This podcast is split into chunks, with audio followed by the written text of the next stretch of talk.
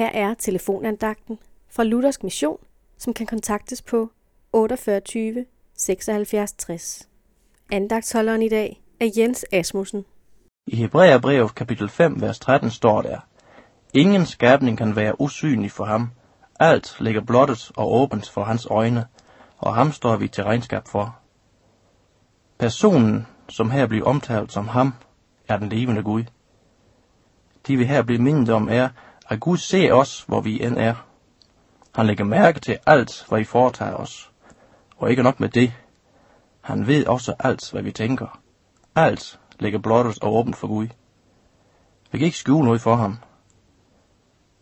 Det kan virke ubehageligt, at Gud ved alt, hvad vi tænker og gør, ikke mindst når vi ser på det sidste, der stod i verset, at Gud står vi til regnskab for. Hvordan vil dommen falde den dag, vi skal stå til regnskab over for Gud? Han der ikke tåler nogen syndig tanke eller syndig handling.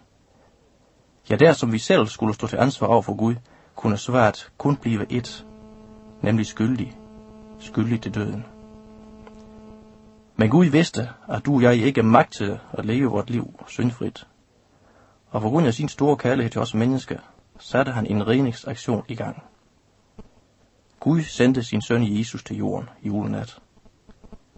Jesus levede det syndfrie liv, som du og jeg skulle have levet. Han led den død, som du og jeg havde fortjent på korset på Golgata. Og sejrende stod han igen op af graven. Jesus gik frivilligt ind i et pladsbytte med os, i det han tog vores skyld og straf på sig, og gav os sin arv. Arven til det evige liv hjemme hos Gud. Det ord må du tro på og tage til dig. Amen.